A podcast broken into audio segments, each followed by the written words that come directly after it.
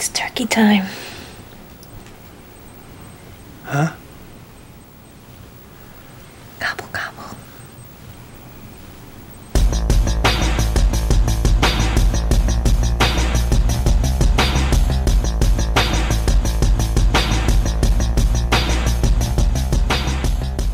Velkommen i kassen med David Bjerre, så har vi fat i den romantiske komedie Geely fra 2003. There is a certain individual who is creating very substantial difficulties for a dear friend of mine in New York. And a certain party is very bullheaded and seems to be removed from what I would like to call my sphere of influence. All right, how can I help? Now, the plot needs a twist. The individual needs to be touched in some manner as to uh, convince him of the error of his ways before he can hurt other people, particularly my friend from New York. Right. And a certain individual, he's got a, uh, a beloved relative with certain psychological defects. I want the relative gotten, all right? And I want him for the time being held on to. Perhaps then reason can prevail. You, you're following all this? Yeah, all of it. All of it.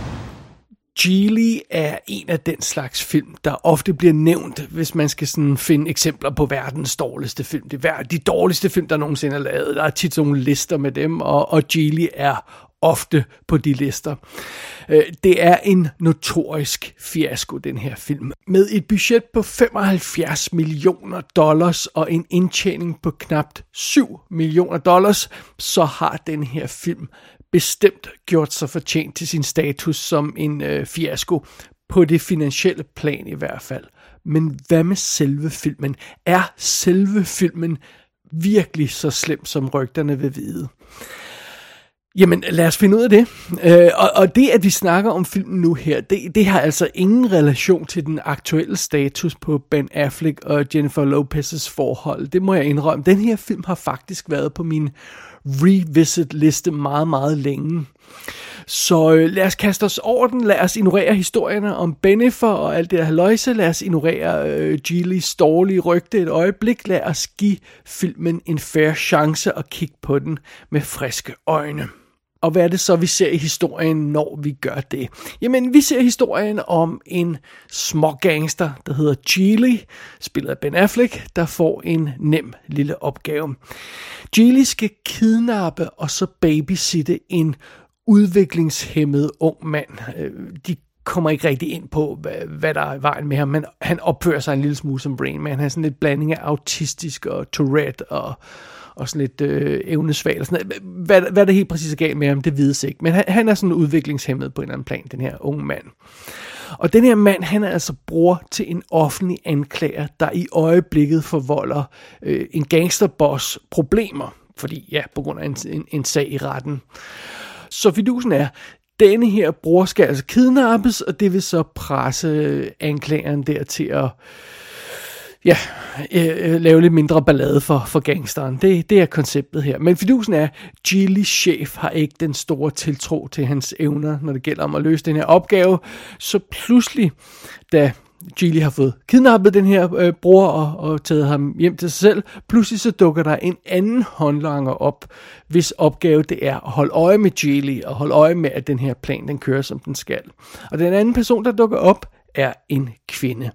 Ricky hedder hun, og hun er fræk, og hun er sexet, og hun er provokerende, og Gilly han ved ikke rigtigt, om han har lyst til at give hende en flad eller hoppe i kanen med hende. Øh, og den her kvinde, Ricky, hun påstår ganske vist, at hun er lesbisk, men naturligvis en, en fyr som Gilly, han ser bare det som en udfordring. Så det. Så som en tyr og en tyrefægter, så begynder de her to altså at cirkle om hinanden og, og udfordre hinanden lidt, og, og hvad kan der ikke komme ud af det? Spørgsmålet er naturligvis, hvem der er, er tyrene, hvem der er tyrefægteren i det her lille øh, øh, drama, vi har kørende her, men, øh, men sådan det er jo.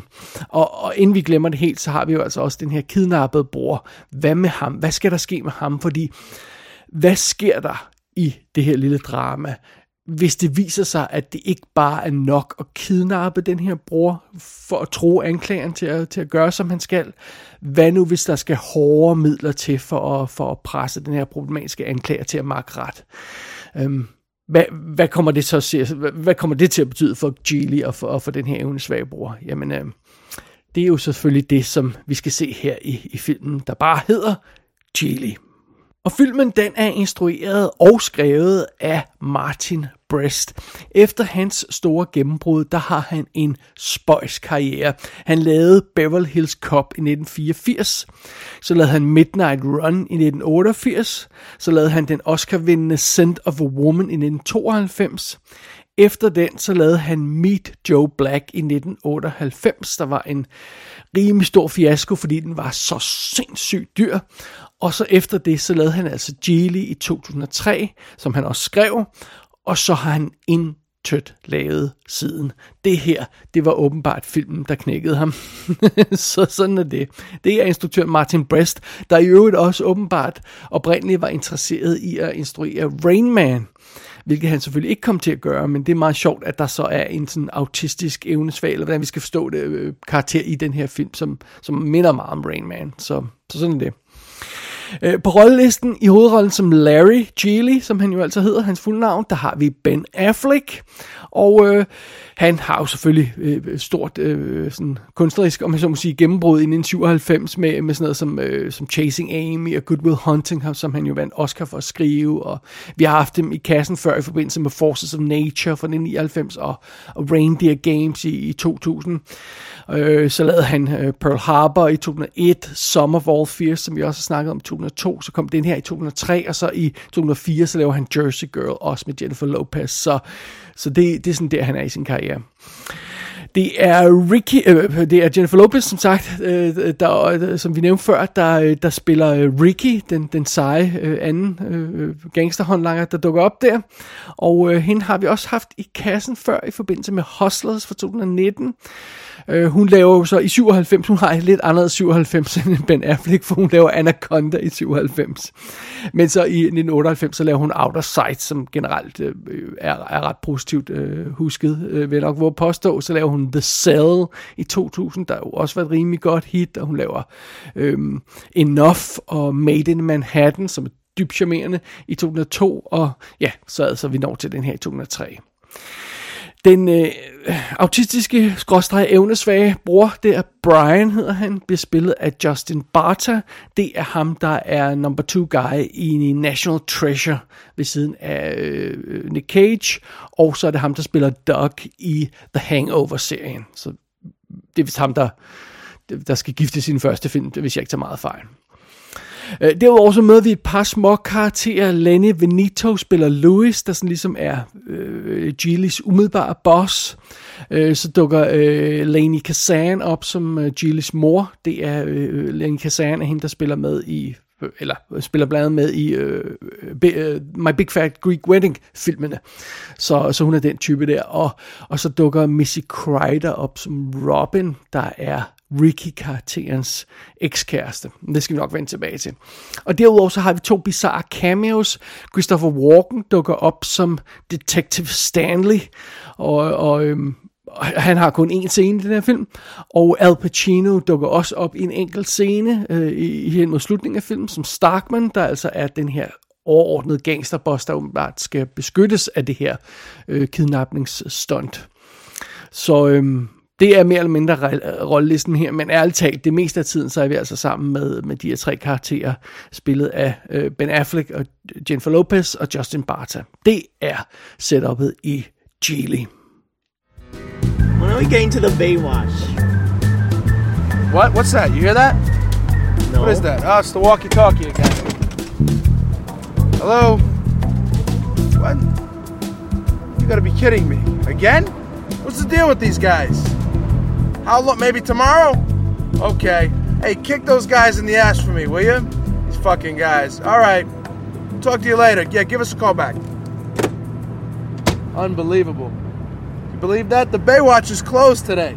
Again. They're closed? Yeah, I talked to them. They, they said they're working on the problem, but, uh, you know, they don't know how long it's going to be. What is the Baywatch? It's where all the beautiful girls are. They swim. Swim there. You're talking about the TV show. No, you. Not TVS TV. The Baywatch is where they really are. They're really there. Lad os starte med at kigge nøgternt på Jelly. Lad, altså, vi ignorerer historien om produktionen og filmens rygte, og, og altså, vi kigger, bare, vi kigger bare på selve filmen, og hvad er det så, vi ser? Jamen, for det første ser vi en ret simpel film. Altså, det her handler vidderligt om øh, to gangster, der skal babysitte en øh, kidnappet fyr, og øh, de flytter lidt undervejs, og så venter de på, hvad de skal gøre. Og, og det er faktisk mere eller mindre plottet i Geely. Øh, eller, eller sagt på en anden måde, der er faktisk ikke rigtig noget sådan solidt plot i den her film. De fleste af scenerne tilbringer vi sammen med Geely og så den, den sexede Ricky. Og nogle gange så er den her kidnappede bror Bryant også i scenerne. Øh, men faktisk er det mest de to gangster, der vi tilbringer tid sammen med. Og så, så er han bare et andet sted, ham, ham broren der. Det føles som om, vi tilbringer 75% af denne her film i Geelys lejlighed eller i en bil. Øhm, øh, altså vi, og, og vi er bare stok der. Altså det her, det er jo ikke, den her film er jo ikke sådan en roadtrip film, hvor de er på flugt for, for politiet med den her øh, kidnappede gut, og de bliver ikke jaget af andre gangster, og og, eller noget i den stil, noget der er så dramatisk. Nej, nej, de her karakterer, de venter simpelthen i Geelys simple lejlighed, og, det er det. Og, og som jeg også nævnte tidligere, at der, der er stort set ingen andre karakterer af betydning i, i plottet her. Øh, øh, de fleste bikarakterer, der dukker op, har én scene, og ellers så hænger vi altså bare ud med, med, med Ben og Jen.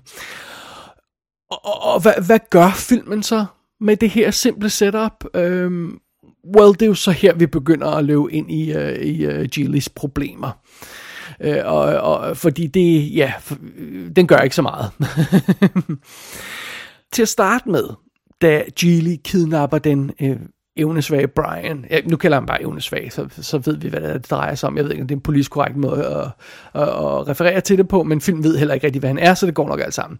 Øh, da Geely oprindeligt kidnapper den her øh, øh good Brian, øh, der virker det som om, at vi skal ud i en variation af Rain Man-historien. Det virker som om, de her to karakterer skal bonde. Geely skal blive til et bedre menneske, fordi han lærer den her gut at kende, og, og, og Brian skal sådan komme lidt ud af sin skal, øh, øh fordi han har de der øh, øh, udviklingsproblemer og sådan noget. Det, det virker virker som om, det er sådan det setup, som filmen legner sådan lidt op til i de indledende faser.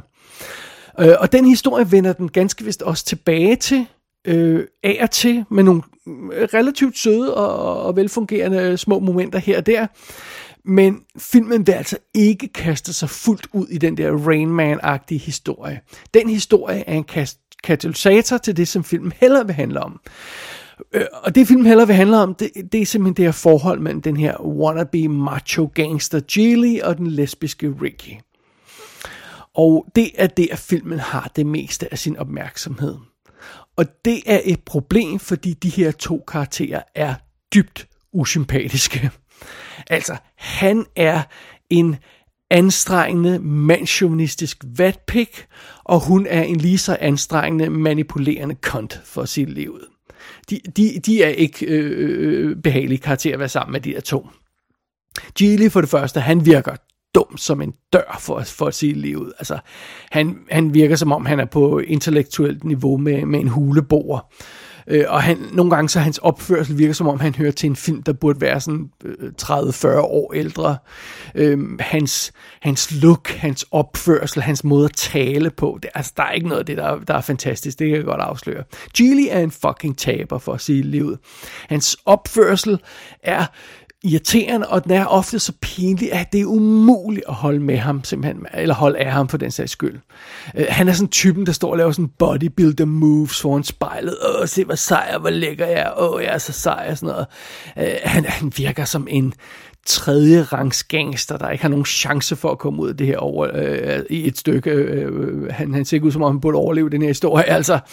Øh, og, og af en eller anden grund, så finder filmen hele tiden nye måder at, at, at gøre ham mere ynkelig på, og, og mere taberagtig på, og, og, og samtidig så er alt ved den her karakter en tordende kliché. Og jeg ved ikke rigtig, hvorfor vi skal følge den her karakter. Der er intet sympatisk ved ham. Der er intet, jeg, jeg, jeg kan lide ved den her karakter, Geely.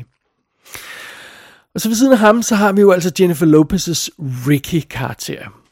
Ricky-karakteren virker som om, den er skrevet af en virkelig pissed off lesbisk manuskriptforfatter, der stadig ikke har tilgivet Ben Affleck for, at han gjorde øh, Alyssa-karakteren straight i Chasing Amy. Altså, det, det, det er virkelig sådan, den karakter fremstår. Øh, så, så det her manuskriptforfatter, det her fiktive, vrede, lesbiske manuskriptforfatter, har nu sat sig for at ydmyge øh, Ben Affleck, og, og han bliver udspillet i hver eneste scene. Det synes jeg er formålet. Han bliver sat på plads. Øh, det skal, vi skal hele tiden have understreget, hvor dum han er, og hvor, og hvor lidt styr han har på tingene, og det er sådan set lige meget, om, om det tjener handling eller ej. Han skal bare hele tiden ydmyges og sættes på plads det, det virker som, som den her øh, skal for, øh, fiktiv manuskriptforfatters øh, formål med karakteren. Når Ricky ankommer, så er hun overdrevet sexy og flirty og, og øh, lidt påklædt, sådan halv lidt påklædt, og, øhm, og så næsten øjeblikkeligt, så begynder hun at kritisere Geely for at falde for hende, og, og, og, øh, og hun har sådan nærmest himmelvendte øjne, Ricky, når han prøver sådan at komme i bukserne på hende. Vel at mærke efter, at hun har grovflirtet med ham i, i, i de foregående scener. Altså, det er bare sådan en inkonsekvent karakter, der er bare irriterende at se på. Og den her karakter, Ricky, hun er også dybt utroværdig på et professionelt plan. I den ene scene, der, der, der, der, øh, der tror hun med at dræbe Geely, hvis jeg kan opføre sig ordentligt. Og så i næste scene, så citerer hun fra The Art of War. Altså bare sådan noget ej, come on, det virker som all talk, og, og det er naturligvis ikke overbevisende. Vi er ikke overbevist om, at hun, er, hun har noget som helst at have det i den her øh, såkaldte øh, henchman, eller øh, øh, independent contractor, eller hvad hun skal forestille at være, gangsterhåndlanger. Øh, hun, øh, det virker som ren snak. Og i et eller andet sted, så er det jo også ren snak, fordi filmen får aldrig vist, at hun er den her seje gangsterhåndlanger eller øh, freelance kriminel. Øh, øh, så, så, så, så, så, så filmen hjælper overhovedet ikke karakteren med at være troværdig. Og øh, både Geely og Ricky er som sagt dybt usympatiske, og når de så går i kødet på hinanden, både sådan verbalt og lidt senere fysisk, øh, så er det bare ufedt. Altså det her, det er ikke sådan en situation, hvor man man glæder sig til at se den næste øh, scene mellem dem, øh, som snart kommer, fordi de, det er sjovt at se dem gå op mod hinanden. Altså jeg sad bare hele tiden og håbede på, at, at, at Jennifer Lopez ville skride ud af filmen igen, og, og så kunne der måske komme noget ud af, af det, der er tilbage, men altså det er bare ikke, det er bare ikke fedt. Og, og, og Geely og Rickys forhold udvikler sig til sådan en bizarre chasing Amy-lignende historie, fordi han vil bukserne på hende, og hun er som sagt lesbisk, og og, og så bliver deres, den her, det her forhold, der udvikler sig i filmen, det, det, det er sådan fuld af sådan håbløst forældede betragtninger om sex og parforhold og sådan noget. Det, det er bare ikke kønt at se på. Det er det altså ikke. Øh, og det starter jo med altså den her vanvittigt irriterende, oppustede opførsel fra Geely. You know the fuck I am. I am the fucking sultan of slick, Sadie. I am the rule of fucking cool. You want to be a gangster? You want to be a thug? You sit at my fucking feet. Gather the pearls that emanate forth from me. Og der er masser af scener i filmen, der understreger helt præcist, hvor stort et mandsjournalistisk røvhul han egentlig er. In every relationship, there's a bull and a cow. It just so happens that in this relationship right here with me and you, I'm the bull. You're the cow. All right? Bull. Cow. You got that? Og når det så er blevet solidt etableret, så begynder Ricky at manipulere ham, og, og, og det resulterer blandt andet i lange samtaler om, hvor forfærdelig en penis er. The penis is like some sort of bizarre sea slug or like a really long toe. I mean, it's handy, important even, but the pinnacle of sexual design, the top of the list of erotic destinations, I don't think so. Og de samtaler vil så hen til pointen om, at øh, altså, det giver kun mening at være lesbisk, fordi at, at kvinder er super lækre, og så altså, alle burde være lesbiske, eller eller nonsens i den stil. Øh, og, og så øh, fortsætter Ricky med at sætte Geely på plads ved at antyde, at han er bøse. Are you gay?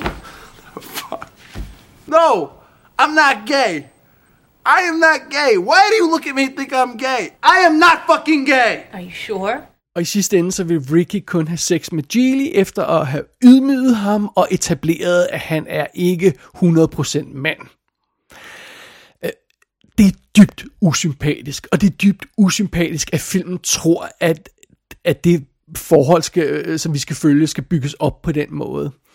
Altså, okay, fair nok, det er den søde og dybt sexede Jennifer Lopez, der leverer replikkerne for Ricky i den her film, men tag ikke fejl. Det her forhold, der udvikler sig, der er altså stadig tale om en manipulerende person, der forsøger at nedbryde sin partners selvværd, så partneren kan kontrolleres.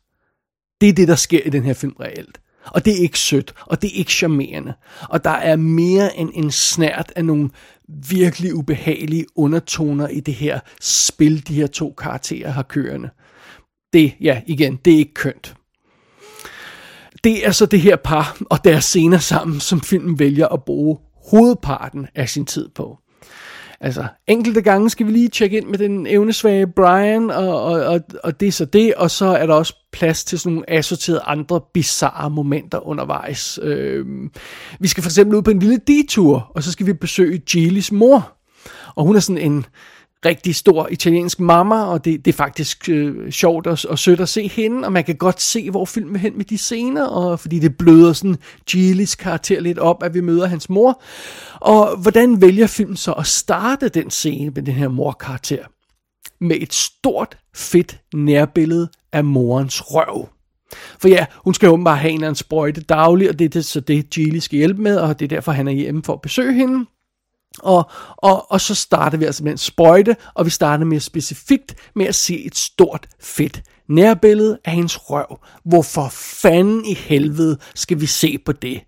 Og, og det er ikke fordi, øh, at, at, at, at, at jeg bliver åh, forfærdet over at se en røv. Hvad gør det ved karakteren? Og introducere hende sådan? Og hvad vil I bruge hende til i det lys? Hvis hun skal være den her søde øh øh, øh, øh, Big Mama, øh, som, som, som Gilly har, der skal bløde hans karakter lidt op, så skal I sgu da ikke vise os noget. Altså, tænk jer dog om, mennesker. Øh. Øh, men det er ikke den mest bizarre scene. Det må næsten være den, hvor Rickys lesbiske ekskæreste pludselig dukker op i Gillys lejlighed, og hun går amok, fordi hun tror, at Ricky nu er blevet straight og flyttet ind hos Gilly. Og så tager den her lesbiske ekskæreste en køkkenkniv og skærer sin håndled over og står og styrtbløder i lejlighedens køkken der. Og, og, og så skal vi pludselig tage stilling til det. Altså, hvad, hvad fanden i helvede tænker I på med sådan en scene? Og, og så den her karakter ryges ud af historien og kommer aldrig tilbage. Altså, for helvede da seriøst, man bliver næsten nødt til at se Geely for at tro på, hvor konsekvent den formår at træde forkert i stort set hver eneste scene, og med stort set alt, hvad den gør. Og, og, og det er sjovt, fordi det her, det er ikke sådan en non-stop, quote-unquote, verdens dårligste film hele tiden. Altså, det er det ikke. Nogle af scenerne er vidderligt helt forfærdelige og elendige. Andre scener er bare lidt klodsede. Øh, så er der også nogle scener, der er sådan virker det tåbeligt, eller måske er malplaceret, og så er der enkelte scener, hvor man lige kan skimte, øh, at, at, at øh, der er kernen til en, til en, øh, til en brugbar idé. Men, men, øh, men det er ikke den her sådan non-stop forfærdelige film hele tiden, vi er ude i. Det er det, der er så spøjs ved den her film. Men en ting er sikkert, altså der er gået et eller andet helt galt for Geely undervejs, for vi havner i den her besynderlige samling af, af scener, som den her film ender med at være. Ifølge kilder, så øh, endte budgettet med at være 75 millioner dollars på den her film, som jeg nævnte tidligere. Og åbenbart så blev de to stjerner overbetalt med sådan cirka 12 millioner dollars hver. Fair nok.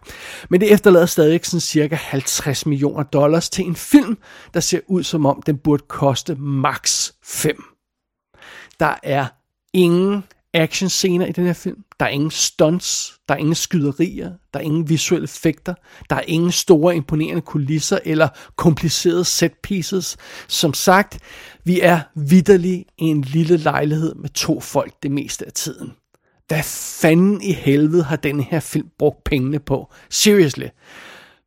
Allerede der er den helt øh, gået helt galt. Men hvis vi skal tro rygterne, så er noget af budgettet øh, sandsynligvis øh, brugt på at forsøge at redde filmen i postproduktion. Altså optagelsen, hvad, hvad jeg kunne forstå, optagelsen til den her film sluttede i marts 2002. Og filmen havde premiere i juli 2003. Så der er sådan cirkus 16 måneder, eller hvordan man nu tæller det, øh, til post-production, og det er meget for sådan en film her. Og det kunne selvfølgelig indikere, at man har kæmpet i klipperummet med at redde filmen. Det, det vil være et godt bud i hvert fald. Øh, et vedvarende rygte er, at, at studiet forsøgte at klippe filmen om, øh, og, og, og der var snak om, øh, at, at der var en meget øh, mørkere historie i den oprindelige version af, af Geely-manuskriptet. Øh, Øh, åbenbart skulle det her være sådan en mere barsk gangsteragtig historie, og, og slutningen skulle have, have vist Geely, der blev dræbt simpelthen. Det, det, det er sådan rygterne går. Øhm, det er svært at tro på, at filmstudiet vil forsøge at klippe en hardcore gangsterfilm om til en romantisk komedie. Øh, fordi det er jo ikke bare en omklipning, det er en decideret genreændring. Øh, og, og det vil påvirke stort set alle scener i filmen, hvis det var tilfældet. Nej, det me- mest sandsynlige er nok, at den oprindelige film havde lidt mere hardcore gangsterhalløj end den version, vi ser nu. Og det er så bare blevet fjernet, hvilket har bragt den romantiske del af historien, der var der i forvejen, lidt mere i fokus. Det er sådan, jeg tror, det har sket. Specielt til stedværelsen af en scene, hvor en fyr får blæst hjernen ud, vidderligt. Øh, Øh, den scene øh, henter til, hvordan den her hardcore gangsterdel af historien kunne have set ud i den oprindelige version. Øhm, men fidusen er stort set alle andre scener i den her film passer til den her romantiske version af filmen, som vi endte med. Og øh, vi ved, de har, de har lavet ekstra scener, vi ved, de har skudt en ny slutning til filmen, så meget ved vi, og der er også en, en, øh, en del klip i traileren, der ikke er med i den færdige øh, version af filmen, men alt andet lige, det vi ser nu som Geely, det var nok mere eller mindre den oprindelige version af filmen. Alt andet lige, det må vi nok konstatere.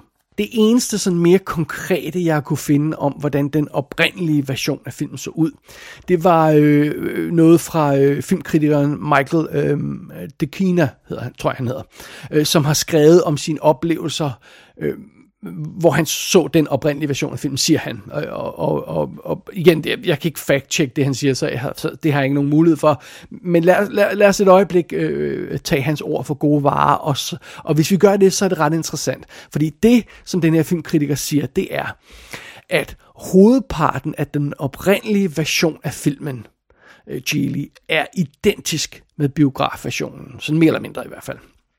Øhm, men det er den kun op til den dramatiske konfrontation i finalen, hvor gangsterbossen det hele handler om, bliver introduceret, som bliver spillet af Al Pacino.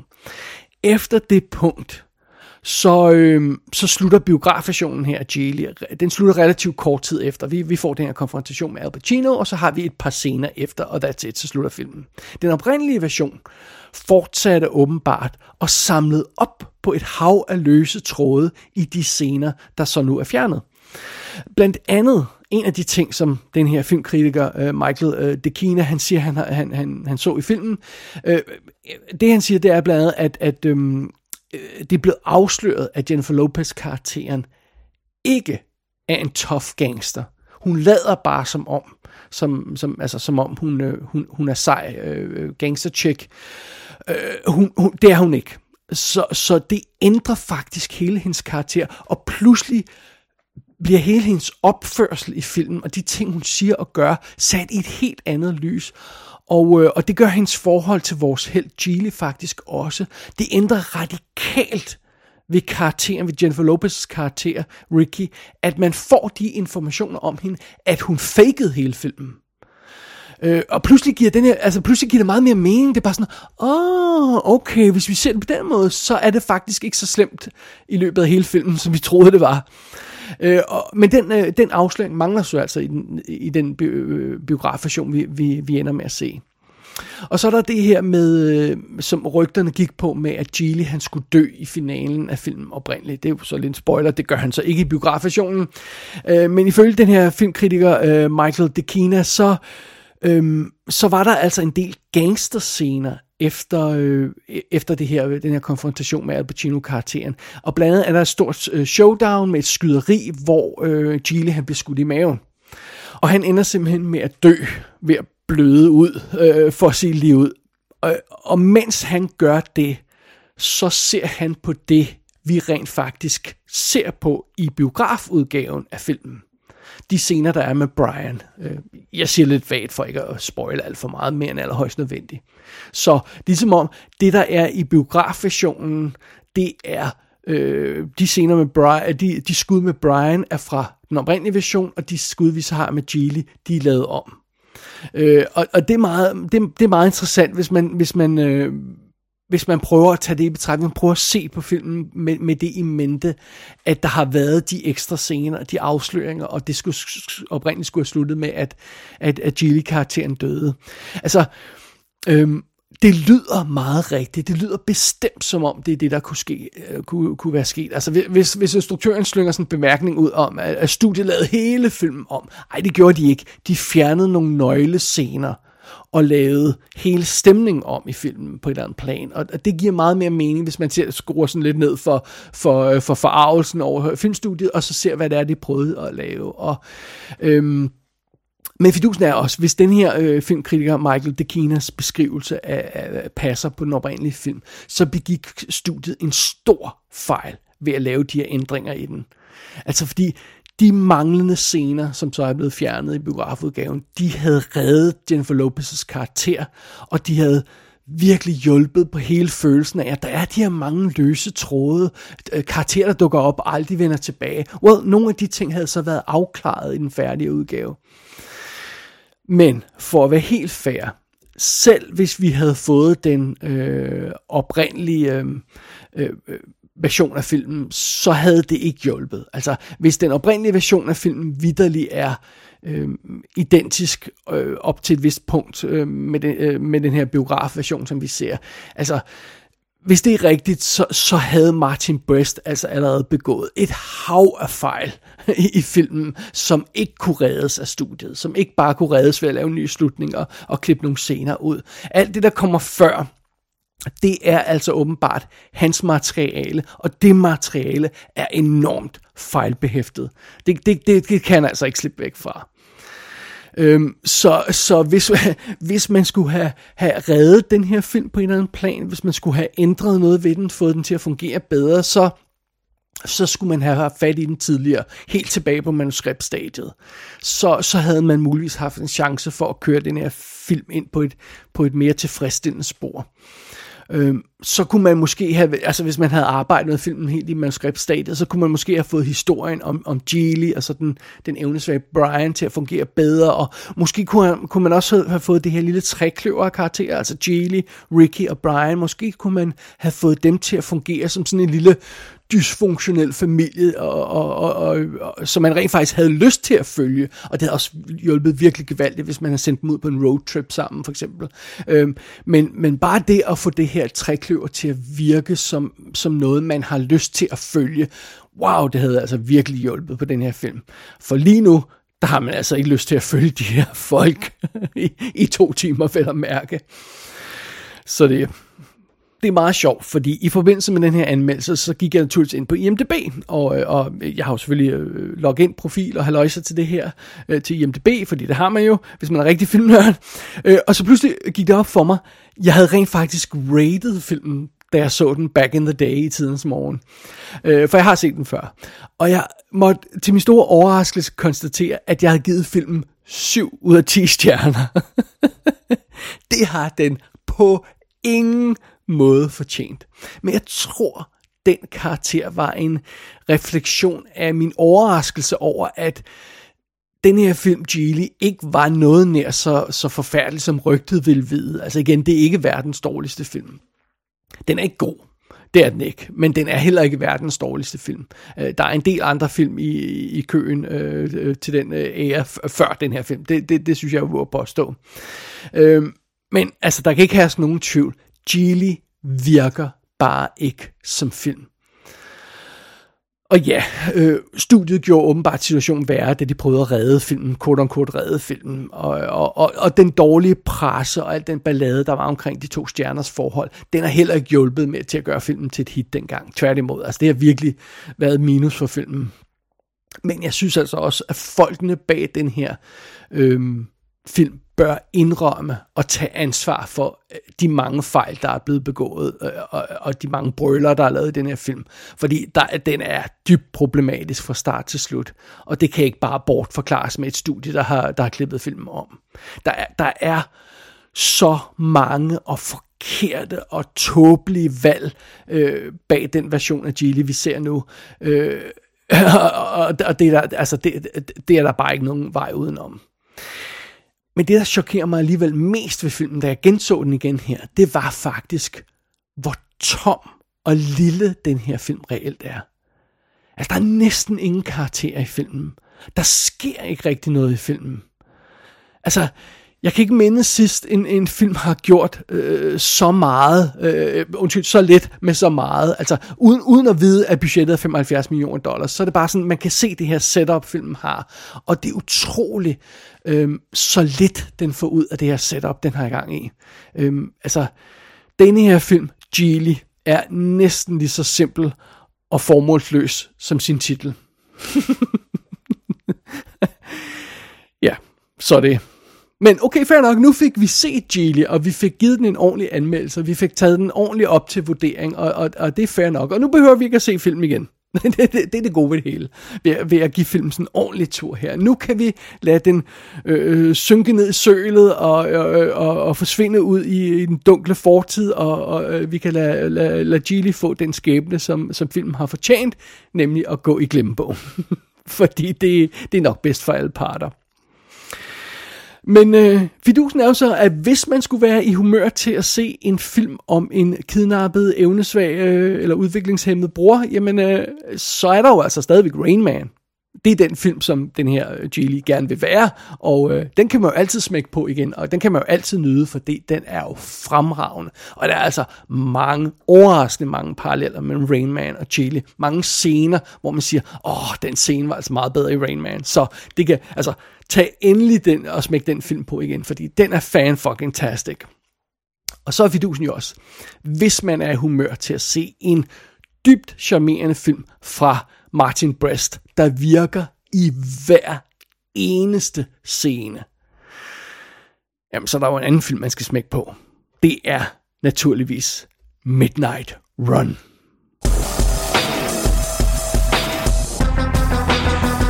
Geely kan ses i HD på VOD. Der er DVD-skiver ude, der er ingen Blu-ray, og der er naturligvis intet ekstra materiale på DVD-skiverne. So be it. Gå ind på ikassenshow.dk for at se billeder fra filmen. Der kan du også abonnere på dette show og sende en besked til undertegnet. Du har lyttet til I Kassen med David Bjerg.